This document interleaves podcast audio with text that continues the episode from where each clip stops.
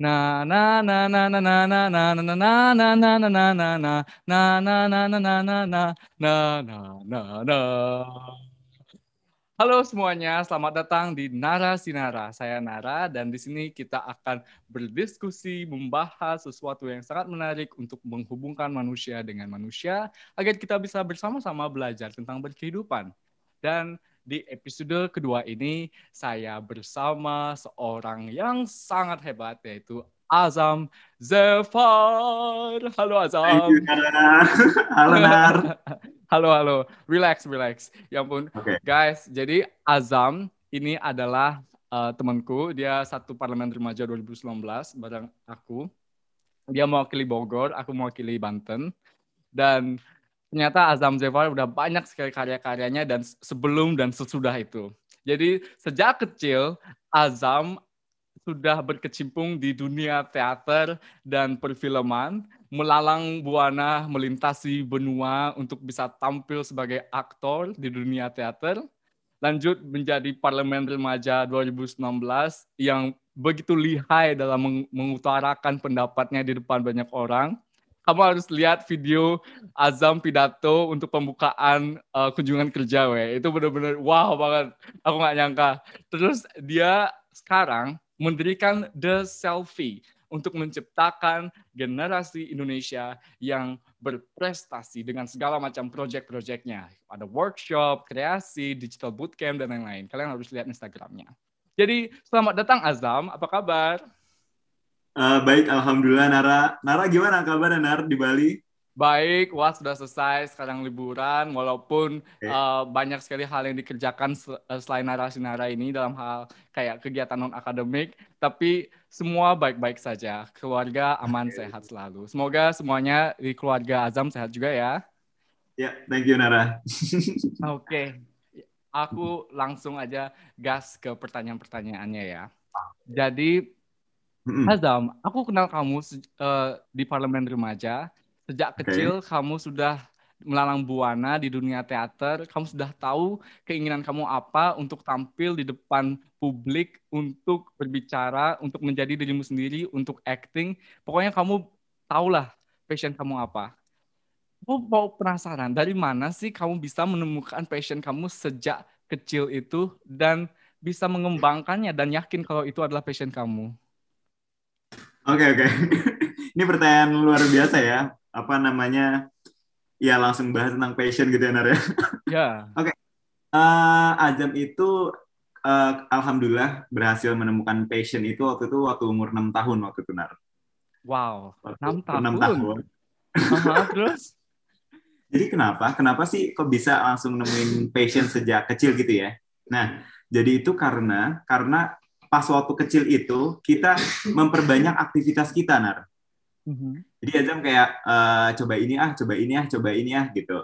Sehingga dari situ mulai ada hal yang kita senangin gitu kan. Dan dari hal yang kita senangin itu kita lakukan lagi kita lakukan lagi. Ternyata oh mudah nih dilakuinnya gitu kan. Mhm. lalu sesudah mudah dilakuinnya terus dilakukan lagi lakukan lagi taunya hasilnya luar biasa dan juga nanti bisa bermanfaat bagi banyak orang gitu. Nah tapi waktu itu jadi kebetulan Nazam waktu itu mulai jadi aktor itu umur enam tahun kan ya umur enam tahun. Mm-hmm. tapi enggak uh, eh, waktu itu passion yang baru temuin itu baru acting aja gitu baru acting. Terus ya udah menggali menggali lagi terus ya pokoknya mengikuti berbagai macam jenis pendidikan di Indonesia gitu kan. Mulai dari apa namanya uh, sekolah negeri sekolah Islam terpadu sampai waktu itu Azam sempat pesantren juga loh Nar Oh wow, iya ya aku kenal kamu sebagai santri juga. Keren banget me, me, mengalami segala macam tahap di uh, pendidikan itu. Lantas bagaimana bisa sampai benar-benar yakin kalau ini yang kamu mau gitu? Oke, nah da jadi dari situ tuh Azam kayak bertemu banyak guru gitu kan, banyak guru, banyak apa namanya ya uh, mentor seperti itu kan. Nah, Azam itu paling suka gini karena memang kebetulan orang tua Azam itu jarang banget jemput Azam sekolah, jadi seringnya itu uh, berangkat sama pulang sendiri. Nah, mm-hmm. itu dari SD tuh. Nah, terus kemudian jadi Azam tuh paling suka kalau pulang bareng sama guru tuh, nebeng sama guru. Nah, oh. selain nebeng itu, gue juga ini loh, Nar, gue juga kayak apa? Uh, belajar sharing sama guru gitu kan. Ya tanya-tanya kok bisa gini, kok bisa gini gitu kan. Ya rasa keinginan tawan itu juga hadir karena uh, banyaknya aktivitas yang udah pernah kita jalanin gitu waktu kecil gitu kan. ya nyoba macam-macam lah, mulai dari hal yang tidak berguna sampai yang berguna. Apa gitu, aja kan? yang kamu sudah lakuin? Jadi dengan ngelakuin banyak berbagai hal variasi kegiatan hmm. itu, kamu bisa kayak mengeliminasi apa yang kamu tidak mau, apa yang kamu tidak mau, dan oh. apa yang benar-benar kamu mau. Oh, jadi betul, udah betul. banyak hal yang kamu udah coba ya? Apa aja yang kamu udah pernah coba dan akhirnya memutuskan untuk oh ini bukan apa yang Azam inginkan? Oke, okay. nah itu karena ini apa namanya kebetulan memang uh, rumah Azam itu waktu itu ya termasuk uh, rumah yang padat lah gitu, padat penduduk gitu kan. Sehingga hmm. kita bertemu banyak teman gitu kan Ya, mulai dari main-main terus kemudian juga uh, waktu enam tahun tuh sempat juga jualan-jualan barang bekas yang ada di rumah di depan rumah gitu kan. Ayo beli-beli hmm. gitu kan.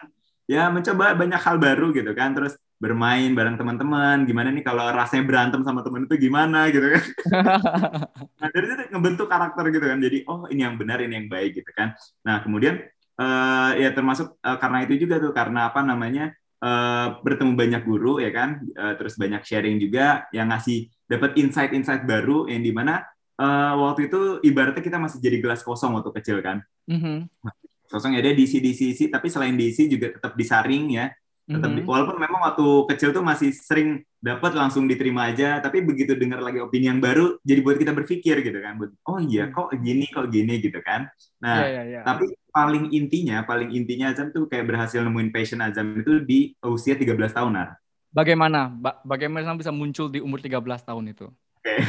jadi waktu itu tuh waktu itu kan Azam uh, masuk pesantren kan masuk pesantren waktu itu SMP Azam masuk pesantren Mm-hmm. Uh, ya, you know lah pesantren itu gimana sih gitu, yeah, apa yeah. tatnya. Iya, iya, iya, iya. Ya dari situ apa namanya bertemu banyak orang, apalagi waktu pesantren itu satu angkatan sekitar 275 uh, eh, orang ya kan, yang hmm. berbagai macam rupa dan waktu itu juga sempat diamanahkan menjadi berbagai macam ketua waktu itu di pesantren. Ya dari situ banyak pengalaman, banyak uh, ya mencoba hal baru gitu kan, sehingga kita bisa bedain, oh ini yang gue suka nih oh ini gue bisa develop nih gitu kan nah dari situlah muncul tuh apa keinginan wah kayaknya gue bisa nih kalau bisa kalau bergerak di bidang ini nah salah satunya memang bidang pendidikan dan public speaking waktu itu memang azam latih pada saat di pesantren itu gitu hmm. jadi makanya teman-teman semua itu jangan sampai takut untuk melakukan hal apa pun itu ya hmm. mulai dari berguna atau tidak berguna karena menjadi berguna atau tidak berguna, menjadi baik ataupun buruk tergantung diri kita gitu kan. Kayak yeah. gue gue suka itu loh, Nar. Gue suka stalking Instagram, scroll TikTok itu gue suka juga. Lu suka nggak? Mm -hmm. Iya ya, gue kadang-kadang ngeliat sih apa yang dilakukan oleh orang ini sejak kecil, apa terus apa prosesnya sampai dia bisa menjadi seorang yang sebagaimana adanya dia sekarang gitu. Aku suka melihat prosesnya dan itu dan itu sebagai sebuah sebuah proses tahu dari kecil bisa mengetahui, bisa merasakan, mengalami asam pahit garam kehidupan, mencoba segala macam hal entah itu yang baik dan buruk. Mumpung kita lagi masih ada banyak waktu dan kesempatan buat gagal dan uh, dengan dengan persepsi apa kamu bisa menilai bahwa oh hal ini tidak baik, aku tidak mau melakukan ini, aku, dan oh dan ini hal yang baik, aku mau melakukan ini sepanjang hidupku dan inilah azam. Oke, okay. nah itu kita dapatkan ketika kita merasakan sebuah kenyamanan di hati kita. Oke. Okay. Jadi kayak kita itu hati kita itu menyeleksinya itu luar biasa gitu hati kita hmm. kan ya apa namanya seseorang aja bisa masuk ke hati kita itu cukup berat pasti prosesnya kan? Iya iya iya. Nah, jadi sama seperti aktivitas gitu nah gue kayak gue ngejalanin ini terus gue ya hati gue merasakan apa gitu kan? Nyaman gak gue ngejalaninnya? Terus abis itu uh, enjoy nggak gue gitu kan? Dan dari situ ha, jadi hati hati yang menyeleksi kita gitu. Karena ya. hati jadi biarkan itu, biarkan hati yang memimpin ya yang mengikuti segala macam jalan yang mengarahkan segala azammu ke mana. Dan hati itu telah mengarahkan azam ke sini. Ya ampun bersama kita di narasi ya ampun. Hati gue okay. tergerak nih. Iya, dan uh, semenjak SMP sudah sekolah santri dan SMA kamu beralih mengalami konsep pendidikan yang super baru ini, yaitu kamu milih ya, untuk homeschooling. Aku tahu itu karena waktu parlemen remaja kamu bilang sendiri kamu homeschooling dan okay. untuk mengembangkan diri kamu, mengembangkan the selfie juga di situ. Dan bagaimana kamu bisa uh, memiliki keberanian, kepercayaan diri untuk memilih jalur homeschooling sehingga kamu bisa mengembangkan diri kamu? Oke. Okay. Uh, eh, jadi karena gini, karena Azam itu dari TK, PAUD, TK, terus SD, SMP, SMA itu ya jenis-jenis pendidikannya itu segala macam dicoba lah gitu. Iya, iya. Bukan karena nggak nyaman pada satu tempat, karena karena sudah tahu kan, sudah tahu. Kemudian next step berikutnya mau coba lagi nih hal baru apa, hal baru apa, hal baru apa. Ada waktu apa namanya SMA terakhir itu Azam memutuskan untuk mencoba homeschooling karena hmm. Azam itu gini, nah waktu Azam di pesantren itu sempat Azam memulai sebuah bisnis. Hmm. Waktu itu bisnisnya Azam waktu itu adalah celana ketat yang pada dasarnya itu di pesantren itu sebagai barang haram lah gitu. Ibaratnya kita kayak jual narkotika di dunia nyata gitu. Oh iya. wow. nah itu luar biasa banget itu waktu itu uh, sempat Azam itu waktu berbisnis itu punya 30 orang tim buat berjualan itu ke satu pondok pesantren lah ibaratnya gitu. Dari mulai kelas 1 SMP sampai kelas 3 SMA itu beli semuanya di Azam gitu ibaratnya. Wah itu apa namanya uh, kapitalisme banget gitu. Ya yeah, terus uh, ininya yang jadi guru-gurunya itu nggak nggak ketahuan gitu nggak marahin atau gimana? Itu makanya itu caranya tuh Nar. Jadi kayak gue gue waktu itu ada 30 tim 30 orang tim yang terbagi menjadi 10 orang marketing 10 orang pembagian barang 10 orang penagihan uang gitu kan. Dan mereka-mereka juga yang kuat banget lah ibaratnya gitu termasuk yang penagihan uang tuh yang serem-serem gitu kan. Nah itu memang gue gunain tuh buat ngamanin gitu kan. Ibaratnya kalau ada yang bocorin langsung hajar. Gitu kan terus ya udah jadi dan itu ada taktik-taktiknya juga. Jadi kayak gue gue waktu itu belinya di Tanah Abang. Jadi gue setiap hari minggu itu izin ke Tanah Abang izinnya waktu itu beli atribut pesantren gitu kayak sapu buat di kamar pel di kamar benar gue pulang tetep begitu tapi gue ke Tanah Abang dulu gitu kan uh-huh. Tanah Abang gue bawa plastik gede-gede Nah, itu gue udah minta sama tim gue yang 10 orang pembagian barang tuh udah standby di depan asra, di depan pesantren lah gitu. Uh, di depan sawah. Nah, mereka bawa-bawa satu-satu terus ya nunduk-nunduk di sawahnya gitu. Ya, ya udah sampai akhirnya bagian barang kan kalau mereka bawanya dikit plastik kecil-kecil kan nggak begitu dicurigain kan kalau gue bawa plastik gede gitu kan. Mm-hmm. Nah sama transaksi-transaksinya juga kita uh, ya termasuk ngumpet-ngumpet lah gitu ibaratnya wah ini kayak bener-bener black market gitu ya. istilahnya black market di pesantren kamu jadi jadi santrinya mempengaruhi orang lain untuk bisa beli celana jeans ketat supaya bisa yang bagi santri pesantren itu haram. Terus ya udah akhirnya ya waktu itu sempet ketahuan juga gue nar. Gue jualan gitu cuma sekitar ya satu tahun lah satu tahunan gitu kan. Uh -huh. Nah terus ketahuan gitu kan ketahuan akhirnya gue berhenti. Nah tapi dari situ gue berpikir oh berarti bisnis ini menjadi salah satu potensi bagi gue gitu kan. Dan gue akhirnya cari apa sih sekolah yang kira-kira bisa gue jalanin bisnisnya? gitu kan. Dan pada akhirnya gue nemuin sebuah homeschooling ini yang di mana mengedepankan 60% bakat dan 40% akademik. Dan akhirnya gue milih itu gitu kan. Gue milih itu hmm ya akhirnya alhamdulillah gue bisa kembangin bisnis gue jadi uh, memang uh, bisnis apa yang uh, termasuk the self ini juga gue mulai pada saat gue baru masuk di SMA itu waktu itu gitu. Gitu. gitu. Makanya gue mutusin. Apakah ada faktor dari orang tua yang mendukung kamu untuk membebaskan hmm. kamu untuk memilih jalur pendidikan yang mas mana termasuk homeschooling ini? Oke, okay. sebenarnya sih sebenarnya sih nggak sepenuhnya gitu kan, tapi uh, tetap adanya negosiasi terus kemudian ya pokoknya berdiskusi lah kira-kira gimana uh, damp apa dampak buruknya apa dampak positifnya. Kebetulan memang orang tua gue itu lebih ngarahinnya gini lebih ke uh, segalanya memang dia kasih uh, dikasih jalan tapi tetap dikasih tahu resiko dan juga uh, apa namanya keuntungannya ibaratnya gitu. Jadi uh, kalau lu milih jalan ini apa konsekuensinya dan apa keuntungannya milih jalan ini? Karena setiap jalan itu ada keuntungan dan ada konsekuensinya gitu kan. Jadi ya udah dari situ gue berpikir gitu gue berpikir mana nih yang kira-kira konsekuensinya bisa gue kendalikan seperti itu. Oh. Makanya akhirnya milih homeschooling gitu loh. dan sekarang homeschooling lagi sudah lulus homeschooling dan uh, fokus untuk bikin the selfie buat karya-karya untuk menciptakan generasi Indonesia yang berprestasi.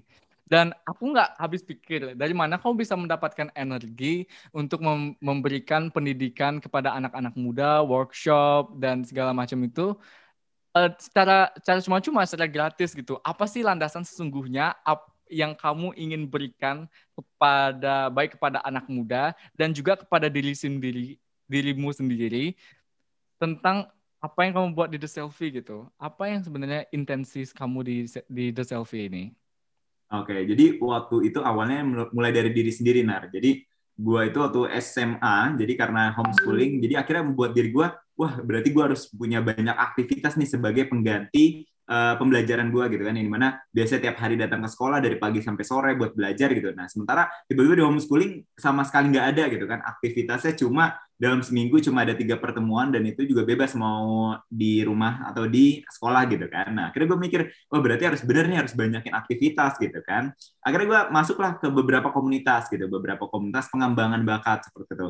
Uh, salah satunya masuk ke apa dunia teater, terus kemudian dunia film, dunia uh, videografi seperti itu kan, dunia hmm. pokoknya uh, film editing segala macam fotografi dan lain-lain. Gue ikut-ikutan gitu kan, ikutan sampai pada akhirnya dalam satu minggu itu gue agennya bisa full sama seperti uh, orang uh, sekolah biasanya gitu kan. Nah dari situ gue ngeliat tuh banyak teman-teman gue yang memang punya potensi yang sama gitu, punya potensi yang sama.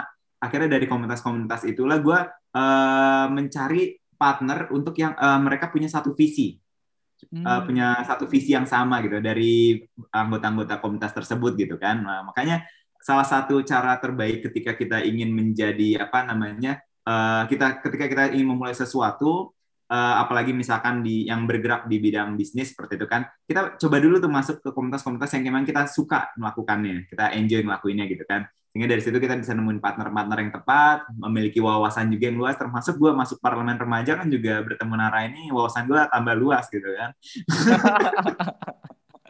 ya ampun. Ya ya ya.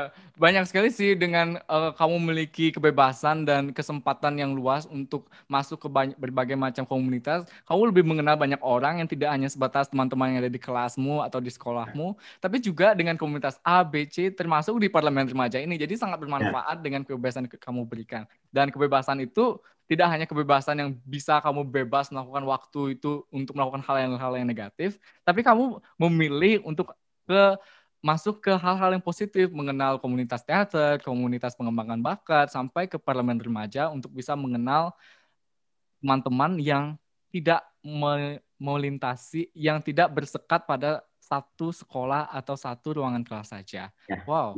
Dan di sana kamu menciptakan, uh, kamu menyadari dengan kekuatan komunitas uh, jaringan kamu, kamu membuat the selfie untuk bisa konsolidasi, untuk bisa mengembangkan dirimu, mengembangkan teman-teman, dan dan apa ya, dan untuk apa gitu loh. Oke, okay. nah itu jadi awalnya gini loh, gue akhirnya dari uh, komunitas-komunitas itu gue inilah gue invite lah apa namanya uh, memang orang-orang yang memang punya satu visi yang sama seperti itu kan. Mm-hmm. Nah waktu itu waktu gue awal buat the selfie juga gue modelnya cuma handphone doang loh. Nah gue model handphone handphone apa tuh handphone Cina lah waktu itu gitu singkat yeah. gue. Nah itu uh, itu handphone pertama gue tuh itu handphone pertama. Nah gue uh, tapi kan gue nggak punya alat nih, gue nggak punya apa namanya kamera, gue nggak punya lighting segala macam. Nah, akhirnya gue carilah memang satu orang yang memang dia punya visi yang sama, tapi hmm. punya kapasitas tersebut seperti itu kan. Nah, tapi kita saling melengkapi gitu. Gue punya ide banyak, tapi gue nggak punya alat. Sementara dia punya alat banyak, tapi idenya masih minim lah, sehingga kita kolaborasikan gitu kan. Makanya uh, kolaborasi adalah satu hal penting uh, yang luar biasa lah untuk pengembangan kita gitu kan. Nah akhirnya di situlah awalnya kita dulu nih kita dulu kembangin kembangin kita kita dulu gitu kan. Terus setelah kita melakukan pengembangan, kita buat tayangan di YouTube segala macam lah gitu kan. Nah, habis itu kita mikir gitu kan, kalau misalnya ilmu ini kita apa kita miliki sendiri gitu kan, kita kelola sendiri, ya apa gunanya gitu kan? Yeah. Kita cuma bisa memperba memperbagus diri kita aja gitu kan, tanpa yeah. memperbagus orang lain gitu. Akhirnya gue mikir kalau gitu coba yuk kita terjun apa kita uh, terjun ke dunia pendidikan gitu kan yang di mana buat ngelatih anak remaja juga yang seusia kita gitu kan. Waktu itu seumuran gue juga seusia kita buat bisa nemuin bakat kayak kita kita juga gitu. Ya udah akhirnya mulailah tuh kita mulai uh, sebelumnya kita ikut-ikut dulu pelatihan pelatihan gitu. Nah pelatihan pelatihan uh -huh. uh, yang dari gratis gratis dulu lah gitu kan. Karena kalau pelatihan pelatihan yang berbayar itu lumayan juga mahal. Yeah, yeah. jadi makanya gue ikut ikutan dulu ikut-ikut dulu. Nah sampai akhirnya dapatlah inspirasi gitu kan. Dapat inspirasi oh kita bisa nih bikin kayak gini nih gitu kan ya udah akhirnya awal dengan membuat apa namanya waktu pertama itu influencer digital camp ya. Uh-huh. waktu itu pokoknya itu agendanya tiga hari dua malam buat anak remaja Indonesia untuk belajar bikin film pakai handphone pada saat itu. Jadi materi pertama kita itu bikin film pakai HP dan itu lumayan laris benar jadi banyak kan uh, orang tua yang punya keresahan uh, anaknya itu suka main handphone tapi digunakannya dengan untuk hal yang tidak bermanfaat lah seperti itu kan. Iya. Jadi ya main game atau misalnya cuma ya pokoknya uh, hal-hal yang memang sifatnya membuang waktu lah seperti itu kan. Mm. Nah akhirnya dari situ tuh orang tua tergerak tuh hatinya oh kalau gitu anak gue butuh nih apa namanya sebuah wadah yang bisa bikin dia menggunakan handphonenya dengan baik, dengan bermanfaat lah. Seperti makanya akhirnya kita ajarin lah untuk mereka bikin film pakai handphone. Tapi selain itu kita juga karena judulnya influencer digital camp, jadi hmm. selain bisa menggunakan perangkat digital dengan baik, tapi juga bisa menginfluence, ya kan? Dan akhirnya kita masukkanlah uh, materi public speaking seperti itu. Jadi oh. lengkap tuh ketika orang ikut influencer digital camp, mereka bisa jadi eh bisa belajar public speaking. Ibaratnya mereka bagaimana di depan kamera dan bagaimana dia mengoperasikan kamera sampai hingga jadi film atau video yang bagus seperti itu. Oh ya ya ya ya keren keren banget. Oke, okay, Azam, aku ada satu pertanyaan lagi yang sangat membuat aku penasaran. Ini menjadi seorang Azam Zefar. Sejak kecil sudah merasakan berbagai macam hal-hal, juga sudah merasakan mencicipi berbagai macam pah manis pahit kehidupan. Dan juga sudah merasakan bagaimana sistem pendidikan di Indonesia yaitu dari sekolah negeri, santri sampai homeschooling. Apa okay. yang benar-benar kamu percayai? apa yang menjadi cahaya kamu untuk bisa melihat mana yang benar dan mana yang salah dan bisa untuk menerangkan jalan yang benar-benar kamu ingin jalani. Apa? Oke, okay. ini, ini pertanyaan bagus banget ya buat apalagi buat remaja Indonesia gitu kan ya Narya. Masih yes. pasti ini saya prinsip gitu. Iya, kita ngomongin hal yang mendasar nih sekarang, prinsip ini. Oke, okay. nah jadi teman-teman semua, memang kalau memang kita kehidupan kita uh, kita jalani tanpa dengan adanya prinsip itu justru membuat kita sering kali labil ya. Makanya kenapa mm-hmm. remaja Indonesia banyak yang labil oh ini kayaknya bagus nih akhirnya ke sini oh ini kayaknya bagus. Tapi ketika kita sudah punya prinsip ya sehingga um, kalau memang itu baik buat kita maka akan kita jalani. Kalau itu buruk buat kita maka akan kita tinggalkan. Nah apa sih yang membuat Azam itu memberi landasan prinsip tersebut? Jadi gini teman-teman semua. Jadi memang Azam dilahirkan dari keluarga yang uh, agamis ya uh, dalam agama Islam dan itu menurut uh, Azam sangat bersyukur atas itu. Nah, tapi di sini yang ingin Azam sampaikan gini teman-teman semua. Jadi uh, apa pun kepercayaan kalian, apa pun uh, pedoman kalian di kehidupan ini, itu semuanya nggak ada yang salah, nggak ada yang nggak ada yang salah teman-teman semua. Semuanya itu benar. Uh, kenapa bisa gitu? Karena gini teman-teman semua, ketika memang kita itu um, memiliki satu keyakinan, apa mm -hmm. pasti juga punya satu keyakinan gitu kan, yang memang mungkin berbeda dengan Azam gitu kan. Nah, di situlah kita akan merasakan rileks tubuh kita rileks ketika kita beribadah itu rasa tenang nyaman yeah. gitu kan nah yeah. dari situ dalam keadaan tenang dan nyaman itulah ketika kita mengungkapkan sebuah keinginan ya dalam keadaan nyaman dan tenang itu ya tenang eh, nyaman dan yakin ya terutama mm-hmm. yakin juga ketika kita mengucapkan sebuah keinginan mengungkapkan sebuah keinginan di situlah akan terkabulnya keinginan kita Yeah. Tapi di waktu dan saat yang tepat gitu kan. Yeah. Jadi makanya kenapa apa namanya uh, apa pun uh, agama dan kepercayaannya pasti kan selalu Tuhan anugerahkan atas keinginan tersebut gitu kan. Iya, yeah, iya, yeah, iya. Yeah. Nah, jadi bukan berarti ini benar ini salah enggak gitu, tapi mm -hmm. dalam keadaan nyaman, tenang, rileks dan juga yakin, di situlah kita mendapatkan pengabulan atas permohonan kita gitu kan. Oh, nah, jadi kenapa adanya keyakinan gitu, makanya makanya di situlah adanya keyakinan nar gitu. Iya jadi, iya iya. iya. Uh, sebagai pegangan kita untuk mengantarkan kita ke dalam keadaan seperti itu. Nah, apalagi memang pada saat kita beribadah ya, itu energi kita itu uh, ya termasuk banyak juga, termasuk banyak. Apalagi kalau kita fokus ya, kita fokus, kita berkonsentrasi pada saat kita ibadah, energi kita itu berkumpul semuanya. Hmm. Nah, sehingga pada saat kita menghentakkan kaki kita ke bumi ya, ke tanah hmm. gitu. Hmm. Kita berdiri aja, kita berdiri dengan keadaan energi kita yang luar biasa. Nah, itu akan mengantarkan diri uh, akan menarik magnet, magnet energi inti bumi kita Yes, oke. Okay. Okay. Aku juga aku juga merasakan hal yang sama di sini. Ada sebuah ya. energi tarik menarik jika kita menginginkan sesuatu dan jika kita memang bersandar penuh pada kekuatan yang jauh lebih besar daripada kita, apa pun itu namanya, aku uh, tidak peduli. Tapi kita semua sadar dan percaya bahwa kita adalah manusia yang membutuhkan sesuatu. Bukan dia yang membutuhkan kita, tapi kita yang justru membutuhkan sesuatu seseorang yang jauh lebih berkuasa, yang jauh lebih benar-benar hebat daripada kita untuk bisa kita sandarkan, kita bisa meminta, meminta memohon sebuah permintaan. Dan di detik itulah ketika kita memberikan seluruh energi kita pada suatu titik fokus yang kita inginkan dengan sandaran dengan sandaran penuh kepada seseorang sesuatu yang lebih besar itu maka semuanya cepat atau lambat akan terkabul. Itu aku juga sudah merasakannya weh. Aku udah merasakannya. Aku udah aku udah aku udah uh, pernah kayak gitu. Kayak dulu aku pernah pengen seperti uh, apalah dulu aku pernah pengen ikut di parlemen remaja bilang. Aku pengen uh, masuk ke dunia pemerintahan kayak di kursi DPR gitu. Aku pernah mimpi kayak gitu. Terus aku terus simpan itu di dalam hati simpan terus itu walaupun aku sudah udah nggak sadar aku punya keinginan kayak gitu terus tiba-tiba tiba-tiba 2019 ada parlemen remaja, aku kelas 12, kesempatan terakhir buat masuk, coba daftar dan keterima dan ikut sama kamu Zam duduk di kursi DPR. Ya ampun, itu benar-benar ya, the power of kekuatan sebuah keinginan. Aku juga percaya itu. itu. Kekuatan itu kan sama sekali nggak terlihat ya, karena memang iya. kekuatan yang memang yang ada di muka bumi ini seluruh yang ada di muka bumi ini.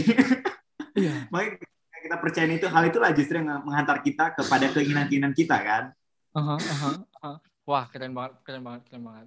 Uh, kita kalau kita bekerja keras nih, setotalitas apa pun, sekerja keras kita apa pun, kalau kita nggak punya kekuatan yang kita yakinin itu, justru nggak bakal nganterin kita ke mana-mana gitu kan. Uh-huh. Sementara ya dengan adanya keyakinan itu membuat kinerja kerja keras kita nggak begitu totalitas, tapi dengan keyakinan itulah yang akan mengantar kita kepada tujuan-tujuan kita gitu kan. Maka itu yang jadi landasan gue. Nah dari situlah menggerakkan hati gue untuk bisa menyeleksi, mm-hmm. menyeleksi nih apa yang memang baik untuk saya, buruk untuk saya. Karena memang kalau tubuh kita itu sifatnya netral, tubuh kita sifatnya netral, tapi hati kita sifatnya ke arah kebaikan, positif. Hati kita itu apa namanya, uh, dia itu karakternya positif seperti itu. Jadi dia itu uh, kita akan merasa nyaman di hal yang memang kita sukain. Itu bagi hati kita itu bagus untuk kita. Mm-hmm. Nah, mm-hmm. sementara logika kita, logika kita itu biasanya sering kali kalau kita gini, uh, terkadang uh, sorry bukan logika ya, otak kiri lah, anggaplah otak kiri. Otak kiri kita itu lebih uh, bersifat itu menolak. Oh. Nah, sementara otak kita lebih sifatnya adalah untuk menerima gitu. Nah, kenapa dipadukan agar kita seimbang kehidupannya seperti itu? Kita nggak hmm. sepenuhnya menjadi orang yang baik banget, tapi nggak sepenuhnya jadi orang yang jahat. Karena kan kebaikan juga harus diseimbangin kan. Jadi orang yang terlalu baik juga nggak bagus, jadi orang yeah. yang iya. terlalu jahat bagus gitu. Makanya itulah diseimbangkan. Nah, tapi dengan apa pergerakan dari hati kita gitu. Mm, Jadi iya, iya. Aku juga selalu merasa di dalam diri itu pasti ada perdebatan. Entah perdebatan ya. antara diri dengan diri, antara dengan perasaan, dengan pikiran, antara hati dengan otak.